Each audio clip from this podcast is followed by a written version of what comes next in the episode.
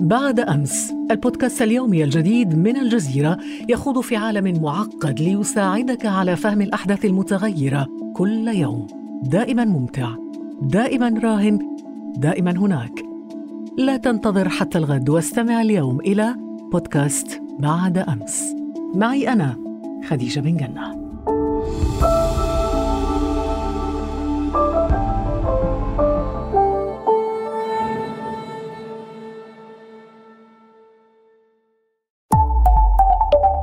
الجزيرة بودكاست ارتكزت هذه الحلقة إلى البحث في المراجع والمصادر الموثوق بها، واتخذت شكل محاكمة غيابية لمقتضيات العمل الدرامي.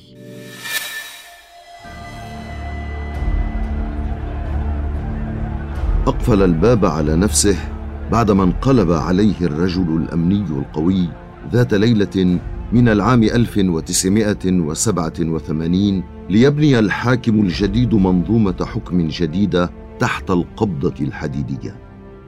فانزوى في القصر خلف حزنه وذكرياته الحافلة بالصخب والصراعات والقرارات الخطيرة. يتذكر بألم أيام مجده ويقلب في صفحات عمره ونضاله الطويل. كآبة يقولون إنها دفعته إلى الانتحار مرات عدة ودخلت طي الأسرار في أروقة القصر الكبير تعب الرجل الكبير من الحياة بعد مسيرة عاصفة فخرج من قصر الإقامة الجبرية إلى القبر. وخرجت المنستير حشودا بشبابها وشيبها لتودع ابنها وأتى إليها زعماء العالم والدول العربية يمشون خلف النعش المحمول على شاحنة عسكرية المسجى تحت العلم الأحمر. يرافقون الكبير مع أبناء مدينته ويشاركون التونسيين حزنهم على صانع الاستقلال الوطني. إنه الحبيب بورقيبة هو الرجل القوي الذي اتخذ قرارات كبرى ومواقف جريئة هزت العالم العربي من أقصاه إلى أقصاه وحفرت عميقا في وجدان الشعب التونسي فبقي خالدا في التاريخ.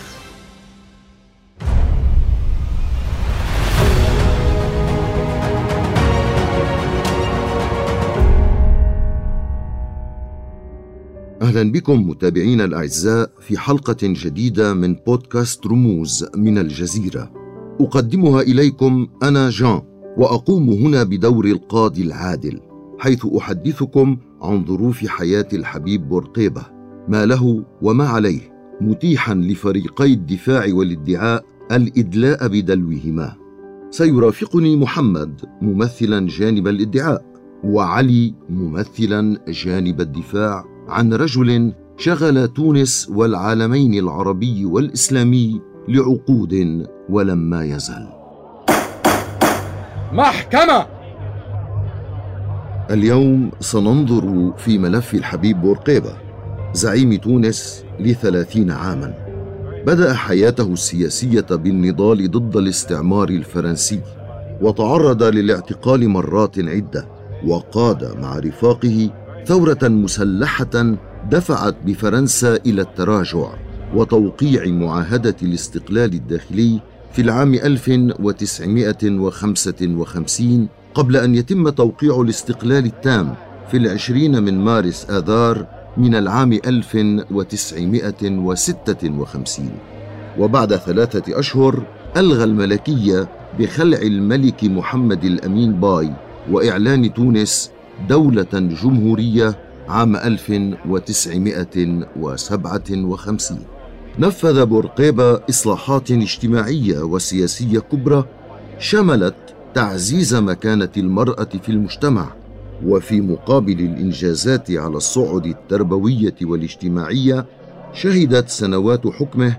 العديد من الإشكالات والتوترات الداخلية وكذلك أثار مواقف سجالية كبرى على الصعيد العربي وأترك للادعاء والدفاع أن يبحثا في كل هذه الملفات المطروحة أمامنا لتبيان الحقيقة في سيرة الحبيب بورقيبة. أمامي قضايا كبيرة وفيها ما لبرقيبه وما عليه. سوف أبدأ بالملف الأول وهو يتعلق بإقامة بورقيبة حكما ديكتاتوريا. وبإلغاء الحريات العامة والحقوق السياسية حضرة المدعي العام ماذا لديك على السيد بورقيبة في هذا الملف؟ وعد بورقيبة الناس بفجر جديد بعد الاستقلال لكنه أنشأ رويدا رويدا حكما استبداديا ألغى الأحزاب جمد نشاط الحزب الشيوعي العام 1962 حارب القوى الإسلامية صادر حقوق المواطنين في حرية التعبير والعمل السياسي. فرض الرقابة على الإعلام. وبعدما أقر نظام الحزب الواحد وتحالف مع الاتحاد العام التونسي أقر تعديلا دستوريا العام 1974 سمح له برئاسة الدولة مدى الحياة فأسس بذلك لحكمه الدكتاتوري المديد أه لحظة من فضلك. فلنسمع رد محامي الدفاع على هذه التهم الكثيرة. سوف أخبر الجميع بالحقيقة.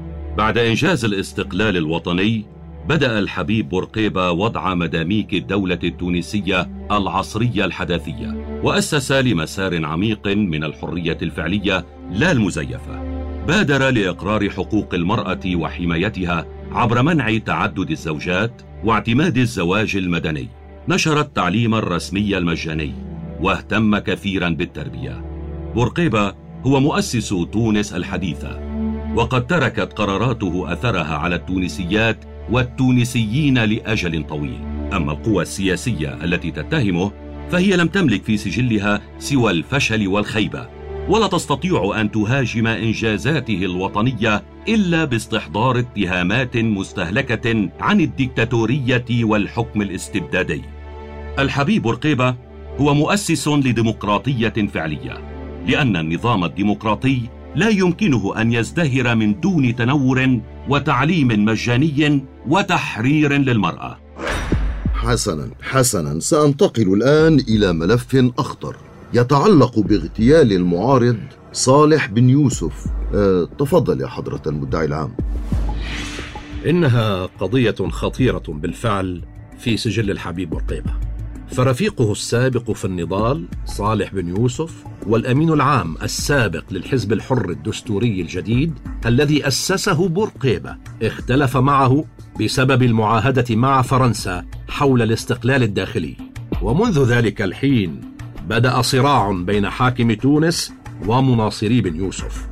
سعى بن يوسف لعدم إثارة الاضطرابات في تونس لكن بورقيبة استمر بمضايقة أنصاره وملاحقتهم وقد حصلت آخر محاولة لإصلاح ذات البين في اجتماع عقد في مدينة زوريخ السويسرية عام 1961 في ذلك الاجتماع رفع بورقيبة صوته في وجه صالح بن يوسف وطرده من القاعة كان النقاش حادا واتهم بورقيبة بن يوسف بمحاولة اغتياله بواسطة مسدس كاتم للصوت أو بالسم. وبعد هذا الاجتماع شكل بورقيبة وبإيعاز من وزير الداخلية وقتها الطيب المهيري فريق الاغتيال مكلفا مدير ديوانه ورئيس حرسه البشير زرق العيون ابن خالة بن يوسف الإشراف على المهمة. كان بورقيبة يصف بن يوسف بالحية الرقطاء التي يجب التخلص منها. لكن القرار بتصفية المعارض بن يوسف كان أقوى من محاولات المصالحة. ففي غرفة بالطابق العلوي من فندق رويال وسط مدينة فرانكفورت الألمانية وبعد الرابعة والنصف من مساء السبت الثاني عشر من آب أغسطس عام 1961 خرج مسلحان من الحمام ليطلقا النار باتجاه الرجل الجالس على الأريكة المقابلة لباب الغرفة. ليسقط قتيلا مدرجا بدمائه. كان هذا الرجل صالح بن يوسف. والدليل الأبرز على مسؤولية بورقيبة هو صوته في محاضرة بمعهد الصحافة وعلوم الأخبار العام 1973 حين سرد وقائع عملية الاغتيال بطريقته مصرحا أن مدير ديوانه وقائد حرسه الرئاسي البشير زرق العيون مكث بسويسرا ولم يدخل إلى ألمانيا. وبرقيبه نفسه بحسب ما تؤكد المعلومات ذكر أنه طلب من شخص يدعى حسن بن عبد العزيز الورداني بإحضار القاتلين لتوسيمهما مكافأة لهما عما قاما به لتخليص تونس مما سمي بالحية الرقاء ولم يقم بورقيبة بالمطالبة بجلب جثة بن يوسف أو بفتح تحقيق قضائي حول واقعة اغتياله الملف كبير في وجه محامي الدفاع كيف ترد على هذه المطالعة؟ أولا هذه المحاضرة المزعومة في معهد الصحافة عام 1973 هي من نسج الخيال فهل يمكن للمدعي العام أن يجلب نسخا عنها كتابة أو تسجيلا نسمعه كلنا في المحاكمة؟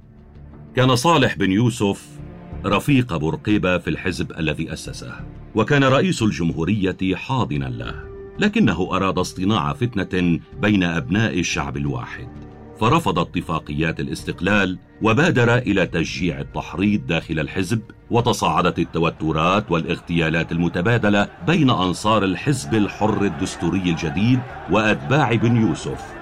فكادت البلاد أن تصل إلى حرب أهلية وتدخل في حمام دم. حاول بورقيبة بالفعل كونه رئيسا مؤتمنا على الوحدة الوطنية والدستور المصالحة مع بن يوسف. ومن هنا أتى اجتماعه معه في زورخ لكن هناك طابورا خامسا لا يريد لتونس الاستقرار وعمل على تنفيذ عملية الاغتيال ليلصقها برئيس البلاد وليستفيد من الخلاف بين الرجلين. سننتقل إلى ملف آخر في هذه القضية أريد أن أستوضح المدعي العام ومحامي الدفاع عن وجهة نظرهما ومعطياتهما عن قمع تظاهرات العام 1978 والتسبب بمقتل المئات من التونسيين. سنبدأ معك حضرة المدعي العام. ماذا لديك في هذا الموضوع؟ الحبيب بورقيبة مسؤول عن دماء الشعب التونسي عندما اعتمد القمع في مواجهة تظاهرات من أجل الحقوق العمالية ولقمة العيش. ففي أواخر العام 1977 تصاعد التوتر بين السلطة التونسية والاتحاد العمالي للشغل وقد اتسم هذا المسار باعتقالات مستمرة للقيادات النقابية وإحالتهم إلى محكمة أمن الدولة العام 1978 تطور التوتر إلى إضراب كبير وشهدت شوارع العاصمة مسيرات شارك فيها نقابيون وعمال وطلبة واتسعت رقعة الإضراب العام لتشمل مدن سوسة وصفاقس والقيروان وقابس وسليانة وتوزر والقصرين وزرمدين ليعكس حالة شعبية عامة رافضة للسياسات الحكومية. فما كان من النظام إلا أن أعلن المواجهة عندما شرع في محاصرة مقر الاتحاد العام التونسي للشغل ليلة السادس والعشرين من كانون الثاني يناير عام 1978 بالاستعانة بوحدات من الأمن والجيش المنتشر في المدن ومجموعات تابعة للحزب الحاكم. كان يطلق عليها النقابيون آنذاك ميليشيات الصياح. نسبة لمحمد الصياح مدير الحزب الاشتراكي الدستوري. الرد أتى في الخميس الأسود في السادس والعشرين من كانون الثاني يناير بإطلاق النار على المحتجين السلميين فسقط نحو خمسمائة ضحية بين قتيل وجريح. ومن بعدها تم اعتقال قيادات الاتحاد العام للشغل وأخضع بعضهم للتعذيب الوحشي. في حين تلقى العديد أحكاما قاسية بالسجن لعشر سنوات. ومن أبرز هؤلاء الأمين العام للاتحاد العمالي الحبيب عاشور. كيف يمكن لمحامي الدفاع أن يرفع عن بورقيبة تهمة إراقة دم شعبه؟ بورقيبة كان أمام خيارين. إما ترك البلاد أمام الفوضى والتخريب والدخول في آتون دموي لا ينتهي بسبب الغوغائيين الذين لا يرون أبعد من أنوفهم في السياسات العامة والسياسات الاقتصادية وإما حفظ أمن البلاد ولو أحيانا بشيء من القسوة. هو أبو الوطن والأب. يضطر أحيانا إلى ضرب الأولاد من أجل مصلحتهم. لقد جرب الرئيس بورقيبة النظام الاشتراكي في بداية مسيرته في الستينيات من خلال تنظيم التعاونيات الفلاحية لكنه رأى أن هذا النظام فاشل وسيؤدي بالبلاد إلى المجاعة والأزمات ألم يسقط لاحقا الاتحاد السوفيتي وتتحول الصين الشيوعية إلى رأسمالية الدولة؟ وبدأ الرئيس بورقيبة بقيادة سياسات انفتاحية صوب النظام الرأسمالي وطبعا هذا لن يمر من دون أوجاع وآلام. لكن قصار النظر لم يستوعبوا هذه السياسة الاستراتيجية وأصروا على انتهاج طريق الفوضى والتخريب والتآمر. لقد تآمر عدد من قيادات الحركة النقابية مع الخارج لقلب نظام الحكم. مستغلين العمال الأبرياء وبعض الشعور بالنقمة على السياسات الاقتصادية التي تم اعتمادها من أجل مصلحة المواطن التونسي على المدى الطويل. كان غرض المتآمرين في الاتحاد العمالي للشغل بقيادة الحبيب عاشور استهداف أركان الحكم. هادي نويرة الوزير الأول، عبد الله فرحات وزير الدفاع، محمد الصياح مدير الحزب الحاكم ووزير معتمد لدى الوزير الأول. كذلك تواصلوا مع نظام معمر القذافي في ليبيا ومع أطراف مناوئة للنظام هما الوزيران السابقان أحمد بن صالح ومحمد المصمودي. كما أنهم دخلوا في تحالف مع أحمد بن صالح رئيس حركة الوحدة الشعبية المقيم خارج تونس في سياق معاداة النظام. لا بل أنهم كدسوا الأسلحة في المقار النقابية وأرادوا الإجهاز على الدولة ومؤسساتها فكيف يمكن السكوت إزاء هذا الاتجاه الخطير لكن يبدو أن الأمر قد تكرر في العام 1984 بعدما اندلعت انتفاضة عرفت بانتفاضة الخبز فماذا يقول المدعي العام؟ بالفعل حضرة القاضي استمر المسار القمعي ففي ذلك العام اندلعت ما سمي بتونس بثورة الخبز وسقط عشرات الضحايا. إنها مأساة تونس تتكرر.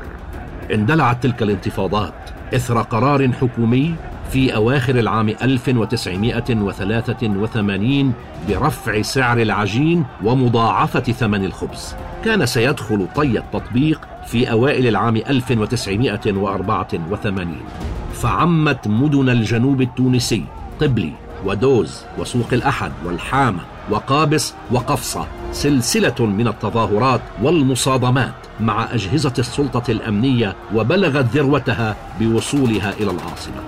وأصبح العنف سيد الموقف. فأحرقت المحال والسيارات والمؤسسات والحافلات في شوارع العاصمة وضواحيها وفي كثير من المدن. ورد النظام بالاعتقال والقمع وإطلاق النار على المتظاهرين. إلا أن ذلك لم يثن المحتجين عن مواصلة الانتفاضة إلى أن اضطر بورقيبة إلى التراجع. وخرج معلنا إعادة أسعار الخبز إلى ما كانت عليه قبل الاحتجاجات. وماذا كانت النتيجة؟ ها؟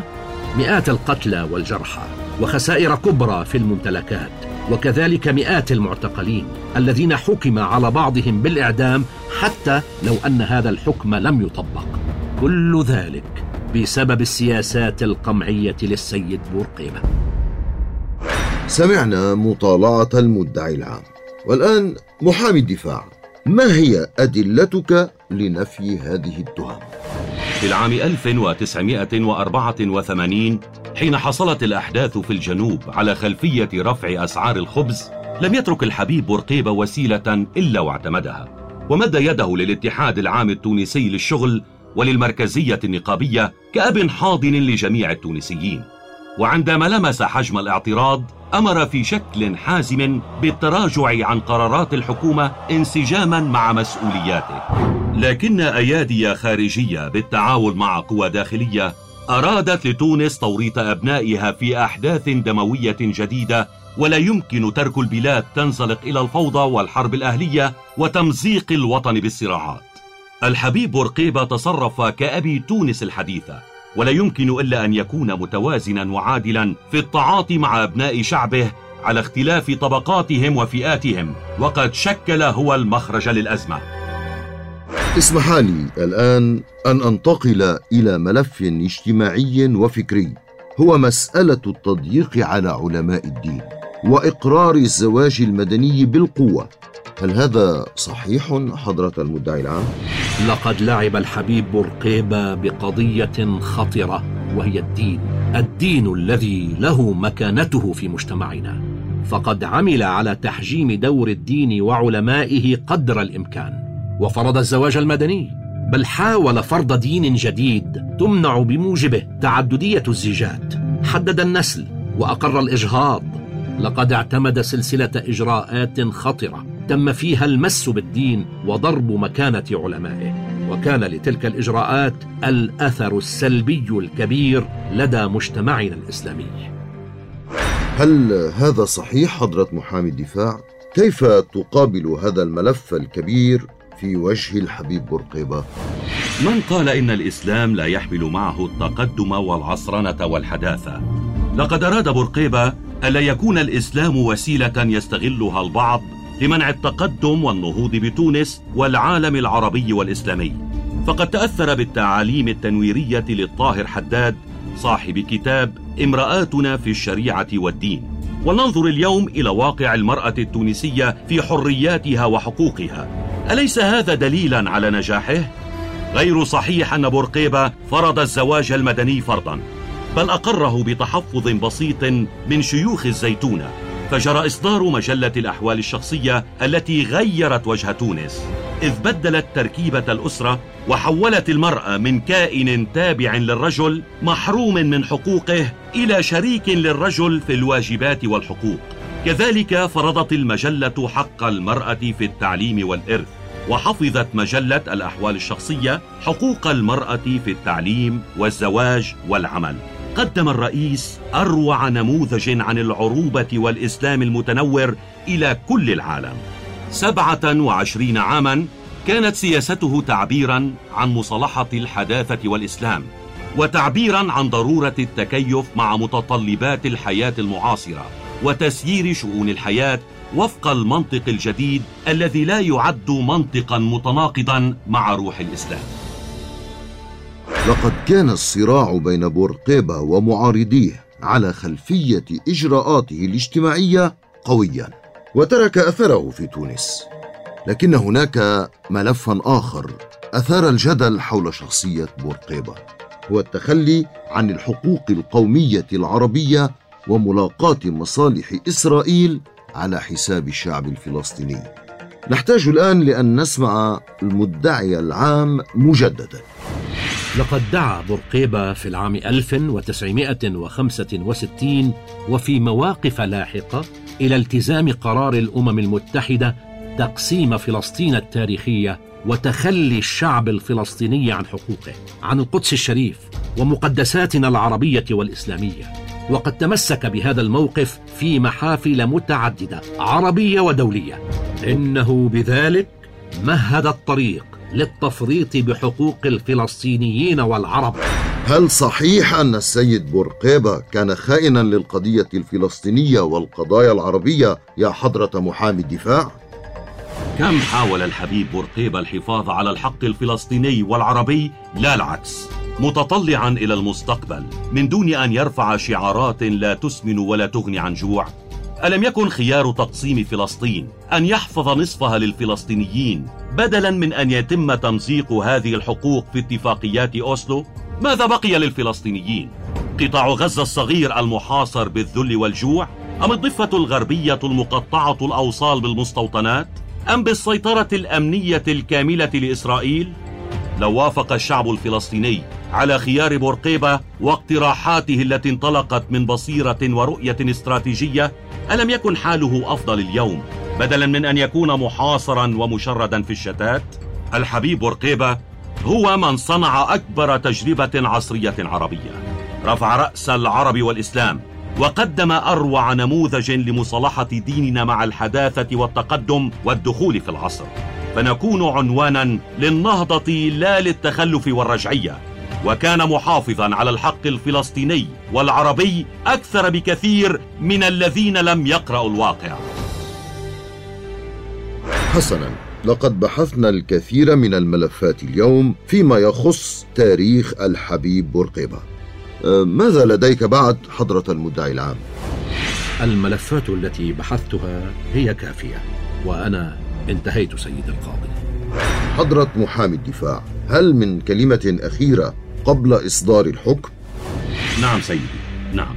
لقد قضى برقيبة آخر أيام حياته سجينا في قصره بعد الانقلاب عليه من قبل رجل نظامه القوي زين العابدين بن علي في العام 1987 فقد بدأ بالتآمر ضد من ساعده على الصعود في الحكم مع مجموعة ممن اعتبروا أنفسهم من المتضررين.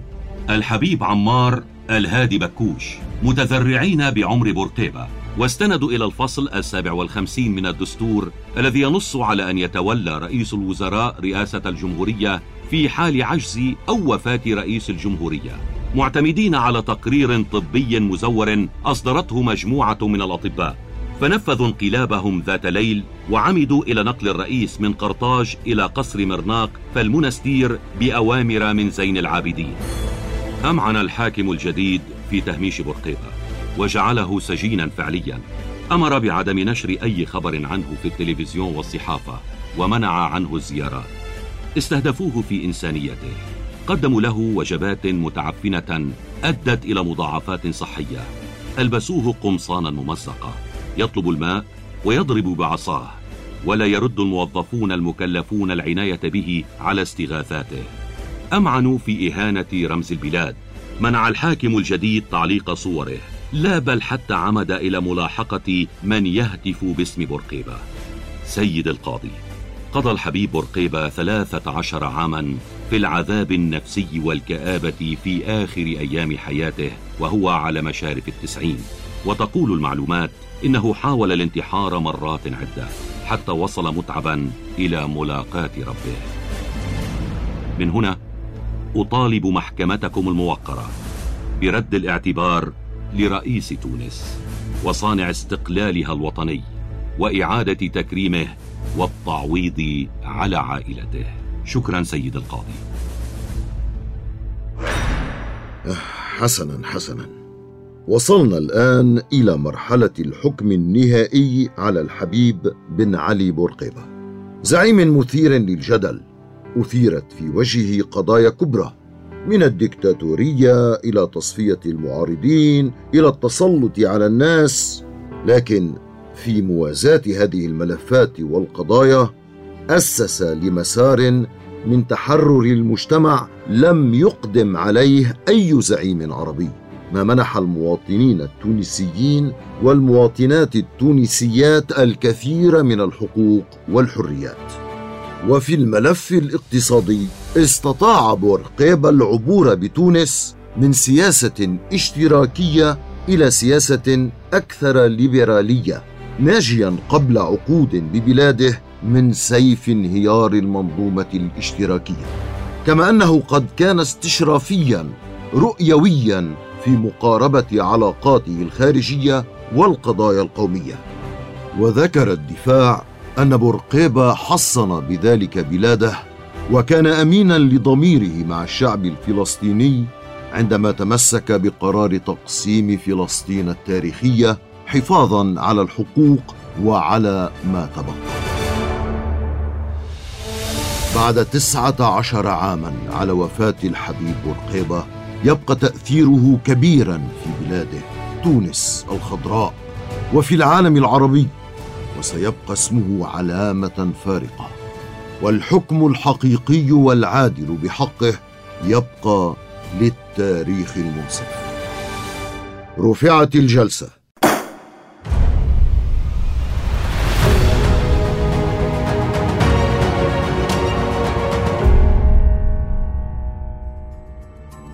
في الحلقة المقبلة من بودكاست رموز سنتناول سيرة رمز آخر رحل وترك أثره في حياتنا. لا تفوتوا حلقتنا التالية الأسبوع المقبل ويمكنكم الاستماع إلينا عبر جوجل بودكاست أو أبل بودكاست أو ساوند كلاود. فقط ابحثوا عن الجزيرة بودكاست. كما لا تنسوا مشاركة هذه الحلقة وزيارة موقعنا على الإنترنت podcast.aljazeera.net كان معكم جان ومحمد وعلي. من بودكاست رموز من الجزيرة. إلى اللقاء.